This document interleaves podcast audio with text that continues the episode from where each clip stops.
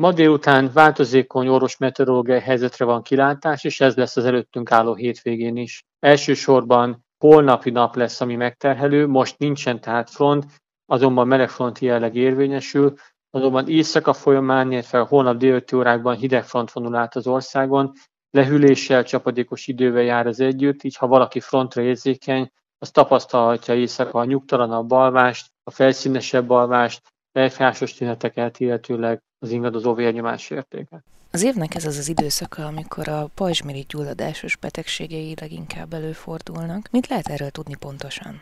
Valóban így van, vannak olyan betegségek, amelyek szezonalitást mutatnak, például a pajzsmirigy gyulladásos betegségei őszi és a tavaszi időszakban jellemzőek, általában ezek vírusbetegséghez köthetőek, azt gondoljuk, hogy vírusbetegség okozza mindezt, a nyak ö, ö, fájdalmával, így a pajzsmirigy fájdalmával jár együtt, lázzal, hőemelkedéssel és szapora szívműködés a jellemző tünete.